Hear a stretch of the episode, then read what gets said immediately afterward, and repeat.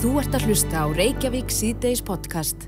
Eins og fram hefur komið, þá uh, erum við að fara að kjósa á morgun. Já. Kjördagur á morgun. Mhm. Og ég verð að segja, ég er orðin mjög spennt. Já, það eru Já, svimur rótnir yfirspendir. akkurat. Ég veit allavega að ég ætla að klæða mig upp að fara á kjörsta. Það er, ég er búin að fara nokkur sem í kringluna Já, og hef verið svona íhugað hvort ég ætti að fara að kjósa utan kjörfundar en svo Mhm. finnst mér svo hátilegt að fara á kjörsta því svona já, það eru margir sem eru bara vanir því og þetta er- er svona ákveðin aftöfn. Algjörlega. En það má búast við því að það verði húlumhæ einhver staðar, svona í tilefni dagsins á morgun.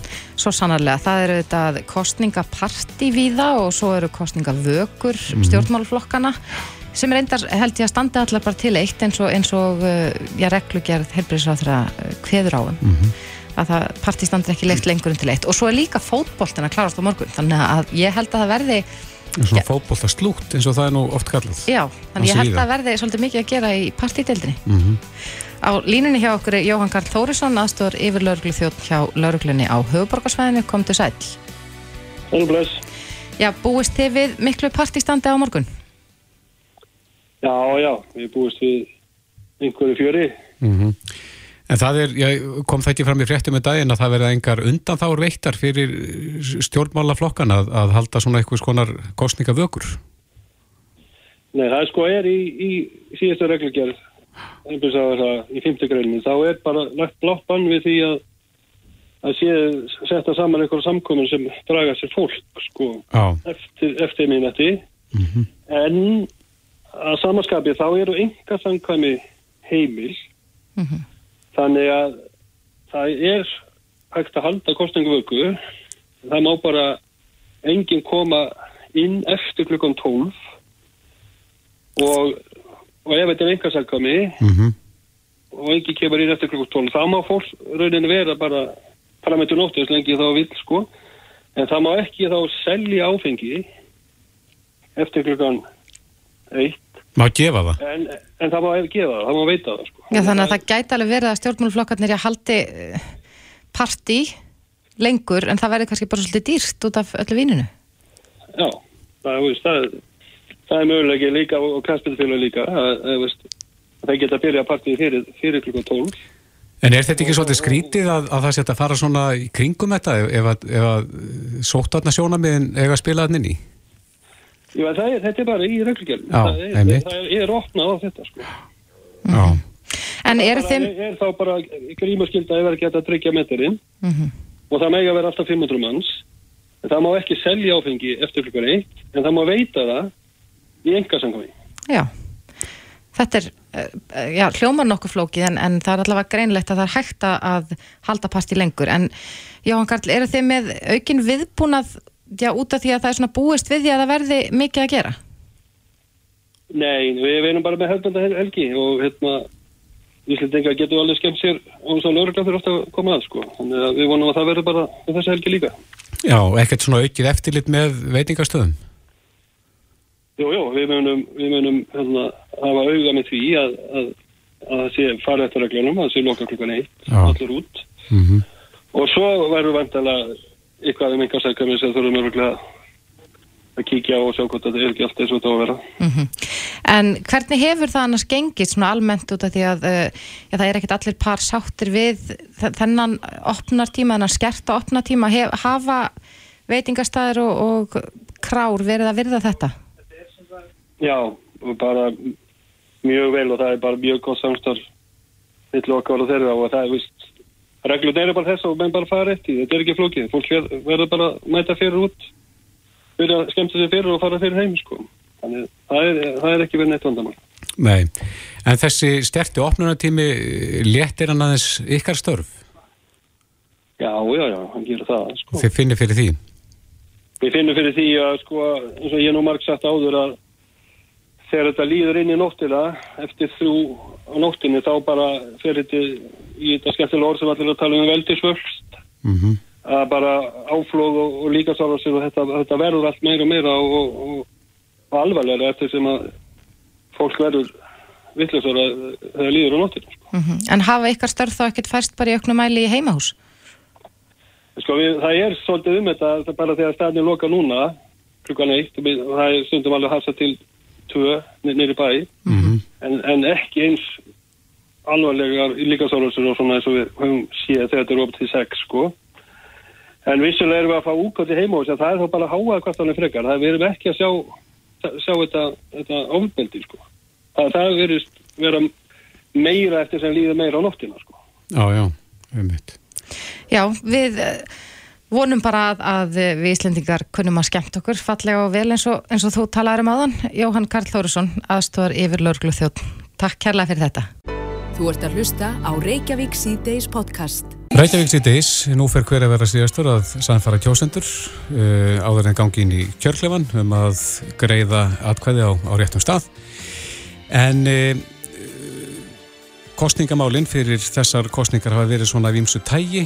Eitt stærsta kostningamál viðreysnar til dæmis er að, að binda íslensku krónuna við evru og um, Ástjér Jónsson Sælabankastjóri er síðan dreyininni þá umræði núna, svona skömmið fyrir kostningar en, en það segir hérna á mbl.is að, að Sælabankastjóri hafi sagt ómögulegt fyrir Sælabankan að halda fastint í vefruna og telur hans líkar hugmyndir að einhver leiti van hugsaðar og gæti þannig annars leitt til herri stýrivaksta.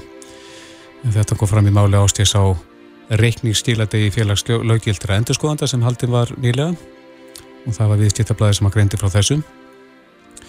Nú ástýr benti þar á að til að festa íslensku krónuna við efruna er þið aldrei samkómulega rítja við verkefliðsfélagin varðandi það að fara ekki fram á meiri launahækkanir en gerist í Evrópu.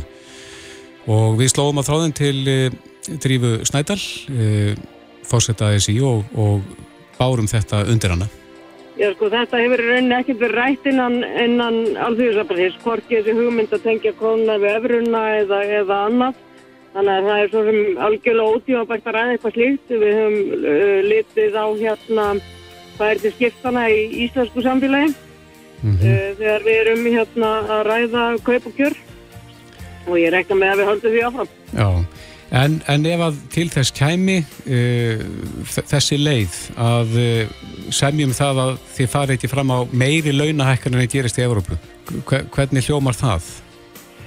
Ég sko eins og ég segi það er hérna fyrsta mál á dagskrá er þessi hugmyndum að tengja krónuna vefruna uh, og það er náttúrulega þá bara eftir að ræða hana það er náttúrulega ímislegar aðrar hægtulur sem þurfa þá að vera sveianlegar ef við höfum ekki sveianlega krónu. Um, og þá erum við að tala um til dæmis atvinnustig eða, eða verðbólgu eða eitthvað slíkt. Þannig að sko við erum bara við höfum ekki verið að ræða þetta einu sinni. Þannig að það er algjörlega ótífabært að ræða það hvað, hvað, hérna, hvað áhrif slíkt hefða kjara sanninga því að, því að það er ekkit það er einn stjórnmálflokkur sem hefur þetta besta og tengja krónuna við öfruna mm -hmm. þannig að ég reikna nú ekki með að það verði verði mjög hérna hátt á innum pólitíska verkefnarlista á næstu árum. Já, þetta sagði Drífa Snædal, Daði Már Kristófusson, uh, varaformaði viðreysnar og hagfræðingur er komið til okkar. Velkomin Daði. Takk fyrir. Já, þið eru þau einu sem eru með þetta á dagskrá. Er, er þetta raunhæft kostninga lofurð svona fyrir þessa kostninga? Já, eins og þeir sem að kannski lásu orð selabankastjóra hafa hugsanlega átt að segja á að þá krefst þetta ímissa uh, breytinga mm -hmm. uh, og, og ákveðinar forgámsröðunar Uh, stöðuleika á, ákvarðanandi sem við tökum þurfum að byggja undir stöðuleika eh, en já, þetta er raunhæft vegna þess að þetta er það sem að eh, hinn Norðurlöndin gerðu fyrir einu 20 árum síðan að, setja stöðuleika í forgang hjá sér og, og með mjög góðum árangri og, og nota annað bæði vinnumarkaslíkan og meiri aga í, í rekstri hins ofinbera en, en týðkast hefur á Íslandi.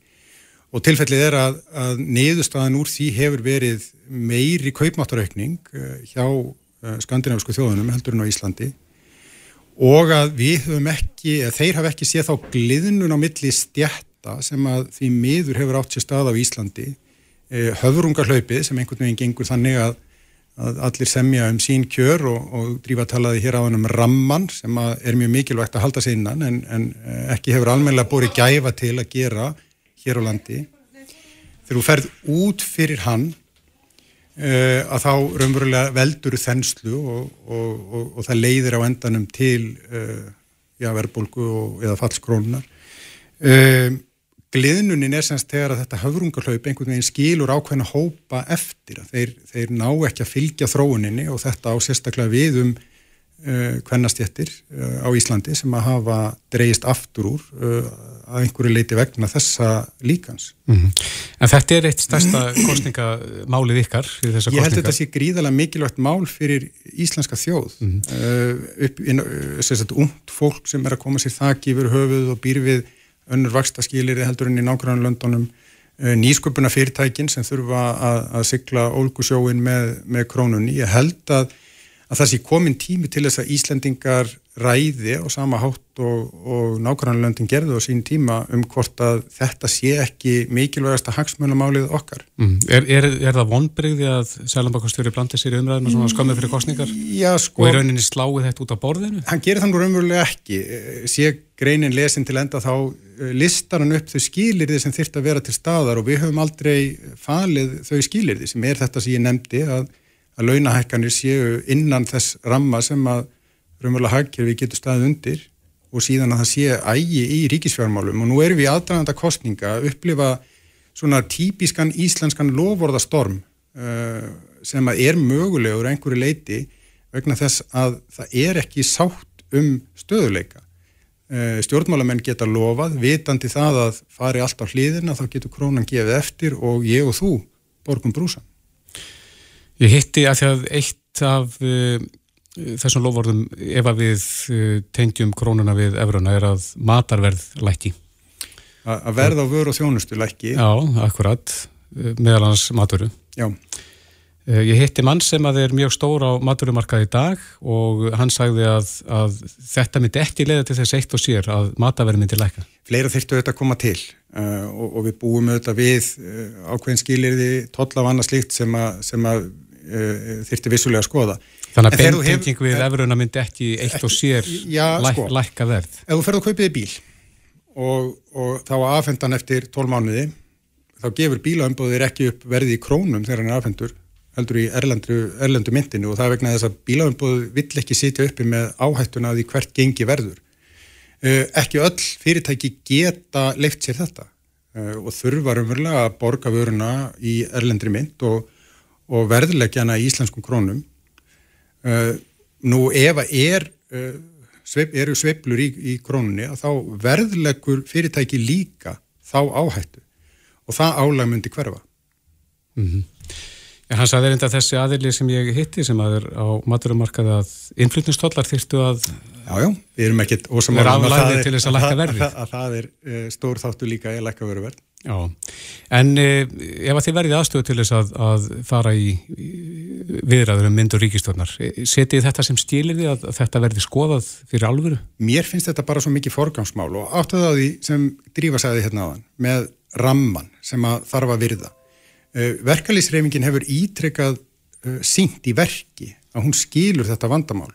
E, sennilega að það stæsta dæmið um þetta eru þjóðasáttarsamningarnir þegar við náum tökum á Eh, verðbólkunni sem var þá. Eh, en eh, þessi samningar sem að nú gilda, stöðuleika samningarnir eru líka dæmi um að verkefliðsreifingin skilur þetta vandamál. Það að taka út lofur sem ekki er hægt að standa við þýðir einfallega að virði krónuna rýrnar og engin er betur settur. Þannig að ég er samfærður um það að þetta er framtíðin fyrir Ísland. Þannig að við munum að sjálfsögðu leggja áherslu á þetta. Já, Daði Már Kristófesson var að formaði viðreysnar kæra þætti fyrir komuna. Takk fyrir. Þetta er Reykjavík C-Days podcast. Reykjavík C-Days heldur áfram uh, við, uh, ég sá þátt á stöðu tvöðum daginn mm. sem var mjög aðdeglisverður. Þetta var svona þáttur um DNA og síndi hvað við erum komið langt í DNA-málum. Þarna var sem sagt fylst með þreymur konum. Einn konan vildi finna uppuruna sinn mm. Móður hennar sem var látin hún uh, hafði aldrei rætt um föður hennar uh, hver hann var eða hvað hann kom. En hún var dökk á hörund og, og vildi fá vita hvað hann var rættuð og komst að því að hún var rættuð þarna frá Pakistan eða Índlandi nú annur konan, hún hefði verið ættlitt ung, uh, var komin á efri ár og vildi komast að uppröðinu sínum og það var að reytja ættirina til Írlands. Já. og ekki nómið það heldur fundur með DNA samsögurun sýstíninnar þannig að hún fann bara fjölsýttu sín það er ótrúlegt eftir alltaf hana tíma Og svo var það þriðamálið, það var uh, kona, ung kona sem að misti móðu sinna unga á lehálskrabamenni. Uh, mamman var með þetta brakka gen í sér og hún vildi komast að því hvort hún bæri það líka. Mm. Og uh, fekk þær gleði fréttir í lókráttar að hún var ekki með semst þetta gen. Ó, dásamlegt. Fekk gleði fréttir þar en þetta fekk mig til að hugsa hvað þessi tækni, DNA tækni komið nálagt okkur. Mm -hmm. Nú getur maður til dæmis bara að fara út í apotek og keift DNA próf Já, og bara gert það heima. Já, Já. og sett það í umslag og, og sendt það áfram. En á línunni er Sigfríð Eik Arnardóttir, sviðstjóri hjá Livju, kom til sæl. Sælveri. Já, þetta er komið að sér nálatmanni eh, þessi tækni, DNA-tækni. Já, heldur betur. Það er, það er ekkert að fela í dag. Nei, en þið seljið þetta próf frá MyHeritage, er það ekki, sem er bara eitt stærsta svona DNA-prófið í heiminum? Jú, það er rétt. Við seljum það hjá Livju og ég held að sé alveg um 90 miljónir notendur í þeirra gagnagrunni sem er eh, mun meira enn í öðru gagnagrunum. Eh, þannig að ef að ég tek my heritage próf geti þá verið skráð í einhverjum gagnagrunni eða DNA-in mitt? Já, það er rauninni, já, það er þannig. Þú auðvitað náttúrulega samþykir þá skilmúla að að þú skráir DNA-ið mitt í þeim gagnagunni og það er keist þá saman við önnur DNA sem eru í þeim gagnagunni. Og hvernig próf er þetta? Hvað, hvaða niðurstöður færðu? Uh, annars vegar færðu þá hvaðan þú kemur, það er að segja úr hvaða álfu þú kemur, maður fær alveg niður á prósentu, uh, eins og ég er 50% ennsk, 40% skandinavísk og svo rest ísk, velsk eða skosk. Mm -hmm. Og svo hins vegar þarf að sjá hverjir eru skildir þér. Það er að segja að þú, e, ef að það fólk er í gagnagrunnum, þá getur þau sér sískinir ín eða, eða frængur og frændur og ég er með til að mynda um 5.000 mann sem að hafa mattsað við mitt DNA en auðvitað náttúrulega einhver að þeim svolítið fjarskilt. Já, hann er ekki stærsta ættamóta á Íslandi sem þú vorust að fara að bjóði. en þetta er samt sko stór hluti er oft erlendir aðil og það Já. er það sem koman er kannski óvart af því maður alltaf tali sig vera bara ennlega í minni tilfelli, mm. bara íslensk mm -hmm. en það er bara ótrúlega mikið af fólki sem að maður greinilega er þá skildur sem býr út í heimi. Já, var eitthvað sem að... Já En maður hefur heilt sögu, allavega sem er svolítið nálagt mér, þar sem að hérna, maðurum minn fann í rauninni bara eitt legg sem fyrir í Nýja Sjálandi og hann tók þetta próf og, og það hafði maður samband við hann frá Nýja Sjálandi. Já. Og það voru það íslitingar sem fóru út á sínu tíma og það er bara mjög skilt honum sko. Já, já. En skemmtilegt. Já, þetta er náttúrulega ótrúlega gaman að þessu. Já, en var eitthvað svona við þitt próf sem að kom þér á óvart? Sko kannski ekki út frá þessu DNA en ég tók líka svo kallar helsupróf sem hægt er að velja. Er það byggt á DNA líka? Já, það mm. er byggt í raun á þessu síni, sama síni bara þú sendir uh, og þú kaupir það í rauninni bara svona uh, sérstakann aðgang að helsuprófunu mm -hmm. og það mælir þá hvort það sé meiri líkur á um að fái vissa sjúkdóma. Já, já. Hvaða sjúkdómar eru það? Það eru bara allir helstu sjúkdómar, getur verið háblóðristingur, Alzheimer, Parkinson, síkusíki 2, hjarstasjúkdómar og fleira sko. Já, og er þetta nokkuð nákvæmt? Já, það er allavega út frá svona mínum rannsóknum, þá er það það uh, og, og það komi ljós í mínu tilfelli að ég er með Alzheimer gen já, já. og mér langaði og það var lástað fyrir því að ég hérna, fór út í þetta því að móðurættin hefur verið hérna, verið að fá svona þess að, eða þann sjúkdóm, heila bylun. Mm, já. Að... Og hvað gera með síðan við þær niðurstur? Er þetta eitthvað sem þú fer með þá til heimilisleiknisins og, og, uh, og ferði eitthvað fyrirbyggjandi aðgerðir eða? Það er akkurat það sem ég gerði. Ég fór mig til heimilisleiknisins með þessar niðurstur og hún er þótt að reynda mjög merkilegar. Og það er hægt náttúrulega þó að maður sé með e, vissa líkur á einhverju sjúkdómi, náttúrulega er lífstilli líka sem að skipti gríðarlega miklu máli. Já. Það er ekki bara genin sem að ráða því. Þannig að það var það sem mig langaði svo er bara að hérna, fá svona á seint og hvað get ég þá gert til að minka líkunar, mm -hmm. þó svo ég sé með genið. Því að, að því að vera með genið gerir þá til kynna að það séu aukna líkur á að sjúkdóminu svona að, hérna, semst, að eitthvað sem tryggirar virkjar sjúkdómi. Eh, sko þetta er mjög áhugavert en, en hversu vinsal eru þessi próf eins og hjá ykkur hjá Livju? Þau eru reyndar ótrúlega vinsal og þess vegna eru náttúrulega með þau ennþá í sölu. Það er bara svona stöðugt, svona stöðugt sala í þeim, skulum við segja. Mm. Eh, hafið tilfinningu fyrir því uh, hlutall þeirra sem að taka próf sem vilja virkilega vita uppruna sinn og hlutall þeirra sem taka próf bara svona upp á grín? Sko við vorum, af því að áður fyrst á þurftur á kaupurinu sikkorprófið. Mm. Það var annars vegar DNA-prófið og hins vegar það sem að keftir dýrara próf sem var DNA plus heilsufarspróf og þá bóttu við sér hlutfallið. En í dag þetta breytist fyrir einhverju mánum, þannig að þú kaupar alltaf bara ódýra prófið og uppfærið því svo á vefsíðinu þeirra. Þannig að við sjáum það ekki í dag. Já, þannig að það er bara eitt próf í rauninni tekið og svo getur uppfært. Já. Já, já. En það var, þegar vorum að selja bæði prófin, þá var starri hluta að kaupa DNA-prófið, ekki heilsufarsprófið. En hvað kostar svona próf? Þau kostar 14.900. Er það grunnpakkin og svo bætur ykkur við? Það er, já, það er grunnpakkin og líklega bætur við svona cirka 12-13 þúsund til að fá heilsufarsprófið. Ég er ekki alveg með að reyna á vefnu, það er náttúrulega í, í vantilega efrum á vefnum hjá þenn. Er þetta, er mitt í mál að framkvæma prófið? Þar, þarf það að reyka pinna 10 cm í nefið eða eitthvað slíkt? Nei, það er mjög veldra. Þetta er bara pinni sem hún setur í kynina. No. Já, það er bara mjög. Já. Og bara einfalda leifinningar eh, og umslag sem fylgir til að setja pinnan í og kóði, þannig að það er að fara á vefsíðuna, skráði inn, setur kóðan inn og þá ertu komin inn í kerfið þeirra og svo getur þú fylgst með hvar síni þitt er stætt í ferlinu. Já. Þetta er aðdeglivert. Sigfríð Eik Arnaldóttir, sviðstjóri hjá Liviu. Kæra þakki fyrir þetta og góða helgi. Góða helgi, takk sem leiðis. Reykjavík síðdeis á Bilginni podcast. Reykjavík síðdeis á Bilginni heldur áfram. Fyrir ekki svo löngu síðan mm -hmm. þá töluðum við um ADHD eh, fullorðina og byðlista. Já, sem eru ansið langir og þeir eru bara lengjast. Svo sannarlega og já það er líka ekki langt síðan, tæpi mánuður síðan að um, formaður Atja Háttíðsamtakana skrifaði greinin á vísi sem heitir Byðlistar eða bestaland í heimi, kjósum Atja Hátti mm -hmm. en það er hann Vilhjálmur Hjálmarsson og hann er á línu, kom til sæl. Kom til sæl, og því bæri Já, í dag bárust fréttir að því að helbreyðsráþræða hefur falið heilsugjæslu höfburgarsvæðisins að annast á landsvísu greiningar Atja Hátti hjá fullortum Þetta er nýtt. Þetta er nýtt, já Mér hafði vísu ég eitthvað að þessu. Núna þetta þarna, það var mánuðið og svo. En e þetta var formulega tilkynnt í gæriða dag. Akkurat, er þetta góðar eh, fréttir í, í ykkar eirum?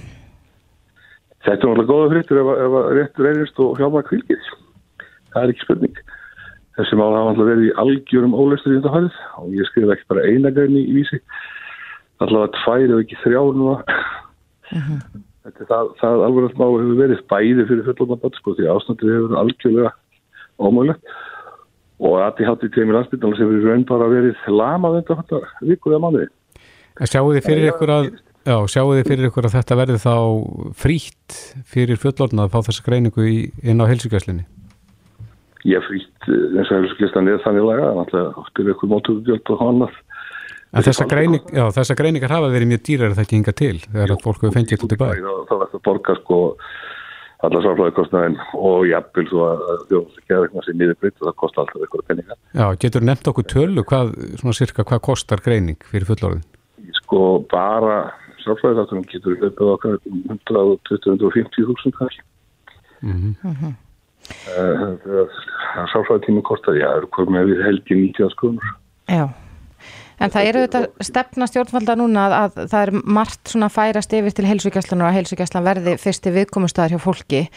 Uh, já, þessar fréttir, er, er þetta svona, er þið bjart sín yfir því að, að fleiri muni þá geta komist að og, og fá þá þjónustu sem nöðsynlega er?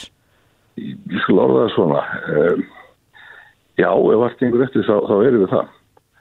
En það máli ekki alveg bent á það sko að fyrir utan að hafa ekki fjármætt að sem sagt niðurgöðslu eða greiðslu þáttöku vegna sálfræða þjónustu og það hefur ákveðið fyrir árið síðan alþingi uh -huh.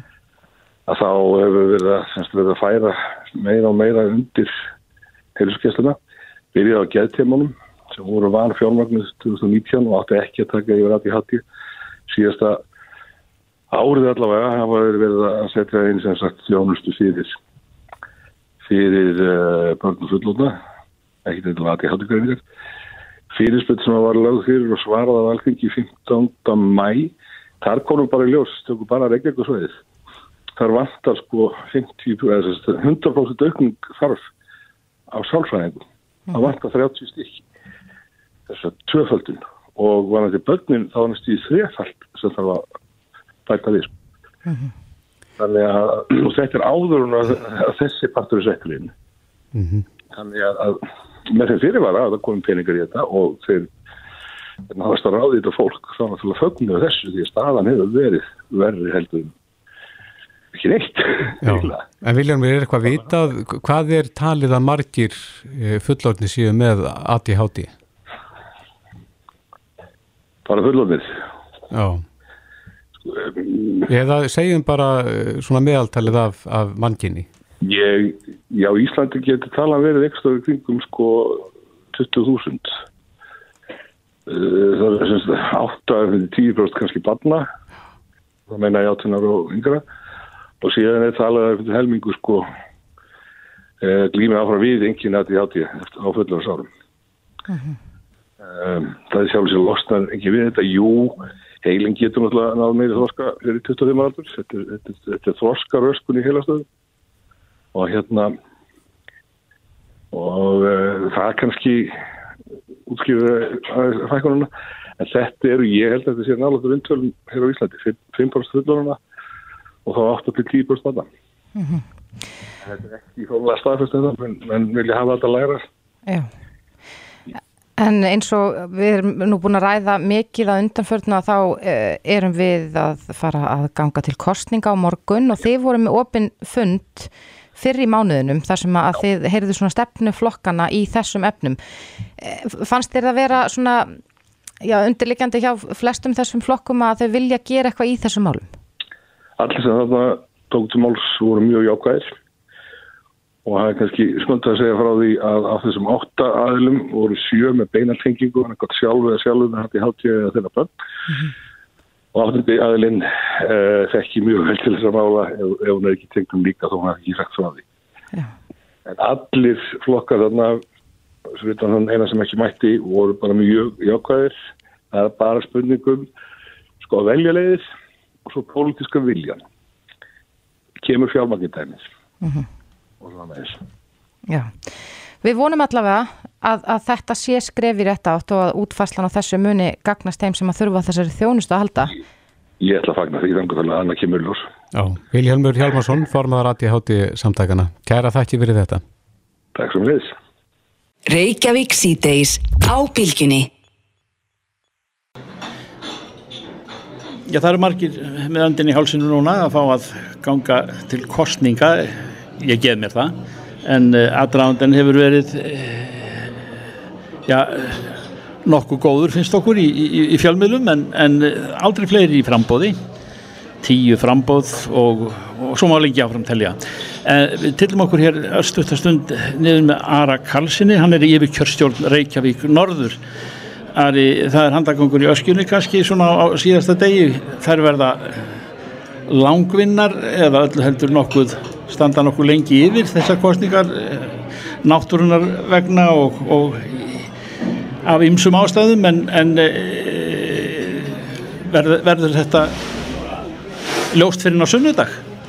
Já, eh, einmitt takk fyrir það Þorgir, það er Það er hefbundið og menn þekkja það að kostninganóttin að það er þess að tvennskona væntingar annars vegar hjá þeim sem eru að býja eftir tölunum og hins vegar hjá okkur sem erum að fást við að, að, að leiða þeir í ljós og, og þetta er aldrei að koma í ljós fyrir að, að einhver staðar svona aðsunnundagsmotni það er nú svona hefbundið að e, það svona gæti leiði fyrir e, milli þrjú og sex en ég myndi reikna kannski milli hálf fimm og hálf sjö.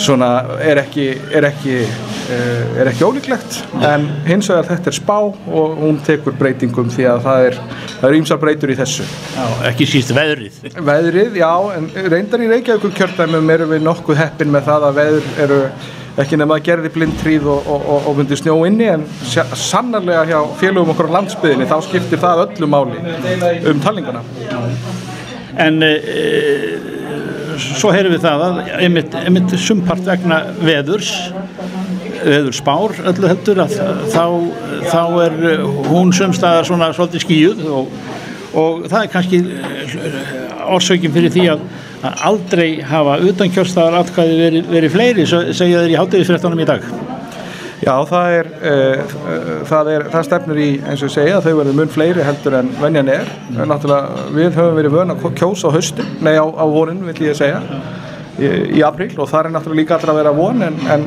en uh, svona þetta eru þriðju haustkostningarna núna í rauð og það er spurning hvort að COVID hafi áhrif á, á það að fólk eru að fara á kjörstæði til þess að kannski forðast markmennið Eh, eða hvort að það séu ferðarlög en, eh, en, en alltaf einu er fólk að nýta sér þennan möguleika og það hefur áhrif því að, því að það tekur lengri tíma með hvert atkvæði sem er greitt utan kjörfundar heldur en á kjörfundinum og, og það þekki allir sem hafa greitt atkvæði að þetta er ytra umslag með nafni og síðan er innra umslag sem er loka með atkvæðinu og síðan eru fylgisæðlar og þetta þarf alltaf meðhundla og opna.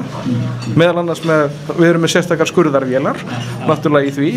Já, hörðu, er, ég hjó eftir því hátisettum að það er búið að uppgöta nýja vél til þess að, að e, opna umslag, ég, ég, mig rækir óastans e, Nú hef ég, nú misti ég að því en, en, en það er fastur liður í undirbúningi að við e, að, að að starfsmenn Reykjavíkuborgar ná í skurðarvélarnar því að e, þetta er svo mikill fjöldi að, að þegar búið er að, að fara yfir utan kjörfundur atkvæðin og, og skilja atkvæði frá sagt, hérna hinnu ytra umslægi þá er þetta allt sett í gegnum skurðarvél og þá er atkvæði tekið upp og síðan fer það í flokkun og yfirferð og loks í talningu Gamli góði eh, brefnýðurinn hann er í sverið hann? Nei, ég myndi, eins og ég segi, með þennan fjölda þá myndum við vera eitthvað fram eftir.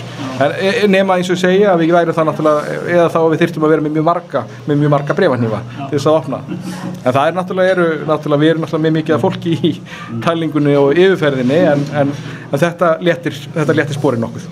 Eh, Ari, svona lókum, hefur þetta, hefur þessi svona já, oft á tíðum fannst manni þetta að vera svolítið svona styrbuðsarleg framvinda en, en, en hefur, hefur, þess, hefur þetta breytt í, í tímans rás sko, framvindan í kostningum og þá var það, hvað var það, skjótheit og annað? Frankvandinu er bísna, sko, hún er bísna fastmótuð og við erum að gera svo sem þetta eins, körstaðir opna í Reykjavík klukkan 9, loka klukkan 10 við megum ekki byrja, við, byrja, við lokum svona um sjöleitið og þá undirbú, þá förum við yfir fyrstu kassana sem er alla kjörkassa í Reykjavíkur kjörtæmi Eh, fyrir utan Kjallanes hérna, að, að þeir eru farið gegnum flokkuna í EFL en við megum ekki samkvæmt lögum byrja að tellja fyrir eftir að búið er að opna af því að það er tali fyrir opnum tjöldum. Þannig að það gefur í klukkan tíu og síðan þarf úrskurum á atkvæðin síðan koma setni kjörkassatnir síðan þarf að fara yfir utan kjörfundir atkvæðin síðan þarf að sjá að þetta stemma allt og stemma kjörsóknuna við fjöldan þannig að við séum nokkuð þannig að við séum vissum það að, að, að kostninga þetta séu rétt með þar þannig að þetta hefur ekki breyst. Verklaðið hins vegar bæðið með tækni e, þú veist, ex, þú veist e, menn voru með blíjanda og voru að handreikna þetta. við nótum Excel hérna, og, og alls konar tækni. Við streymum í Reykjavíkur kjörðami og því að Reykjavíkur kjörðami bæði norður og söður við telja á sama stað í lögutalsöll þannig þannig að það hefur verið strengt á F-síðu Reykjavíkuborgar þar sem er hægt að sjá yfir talningasælin það var nú ekki hérna áður í Östubæðaskólanum hérna, þannig að, þannig að sannlega er, eh, tekur framkvæmdinn breytingum og hún er svona orðin agaðri eh, að mörguleiti og við erum alltaf að reyna að tryggja það að þegar öll er á botning kvólt og við erum búin að tellja atkvæðin að þetta stemmi og við, eh, það er alltaf verið að reyna að finna nýjar aðferðir til þess að gera þetta strömmlinglaðara og fljótara þannig að við komumst fyrir heim og svona þannig að þeir sem eru að býða eh, hérna geti fengið töröldin sem fyrst Alókum, Ari, hvað, hvað, hvað ertu búin að vera teljari lengur, lengi í, í, í þessu, eða í yfir kjörstjórn? Sko, ég, ég hef, eins og segi, ég hef verið í svona vinna með yfir kjörstjórn í, í 7-8 ár þannig að og síðan er búið að vera eitthvað kostninga á þeim tíma en áður sko hef ég verið í flokkun og yfirferð og ég byrjaði sko 16 ára gaman sem umbósmaður í kjördilt og það eru, og, og það eru nokkur á síðan og það munar menn þegar það voru bara umbósmenn hérna, í kjördildum með spjaldskráð til að fylgjast með hverju kussu. Það væri, það var sem betur fyrir aflagt fyrir lungu síðan en það uh, væri nú persónavendareglur ekki Eh, myndir þú komið vekk fyrir, eh, fyrir þess áttar umbóðsmennsku en það, já, þannig að við getum sagt að, að, að hérna, ég, var, ég var 15 ára þannig að ég hef verið í þessu tæp 26 ár svona í kostningum alltaf öru hverju en þetta er hátíðisdagur, kostningadagur hátíðisdagur, þetta er svona vertíð og maður verður alltaf alltaf gladur Já. að mótni, mótni kjördags Ég þakka þér fyrir þessar mínútur, það, það eru strángar, strángir tíma framöndan hjá þér, eh, Arni Karlsson, og ég hef samfrétt hér eh, að þú átt ammali, hjartanlega til hafingi með ammali. Þú klárar það og svo vaðið í kostningarnar. Þakka þér fyrir. Reykjavík síðdeis á Bilginni podcast.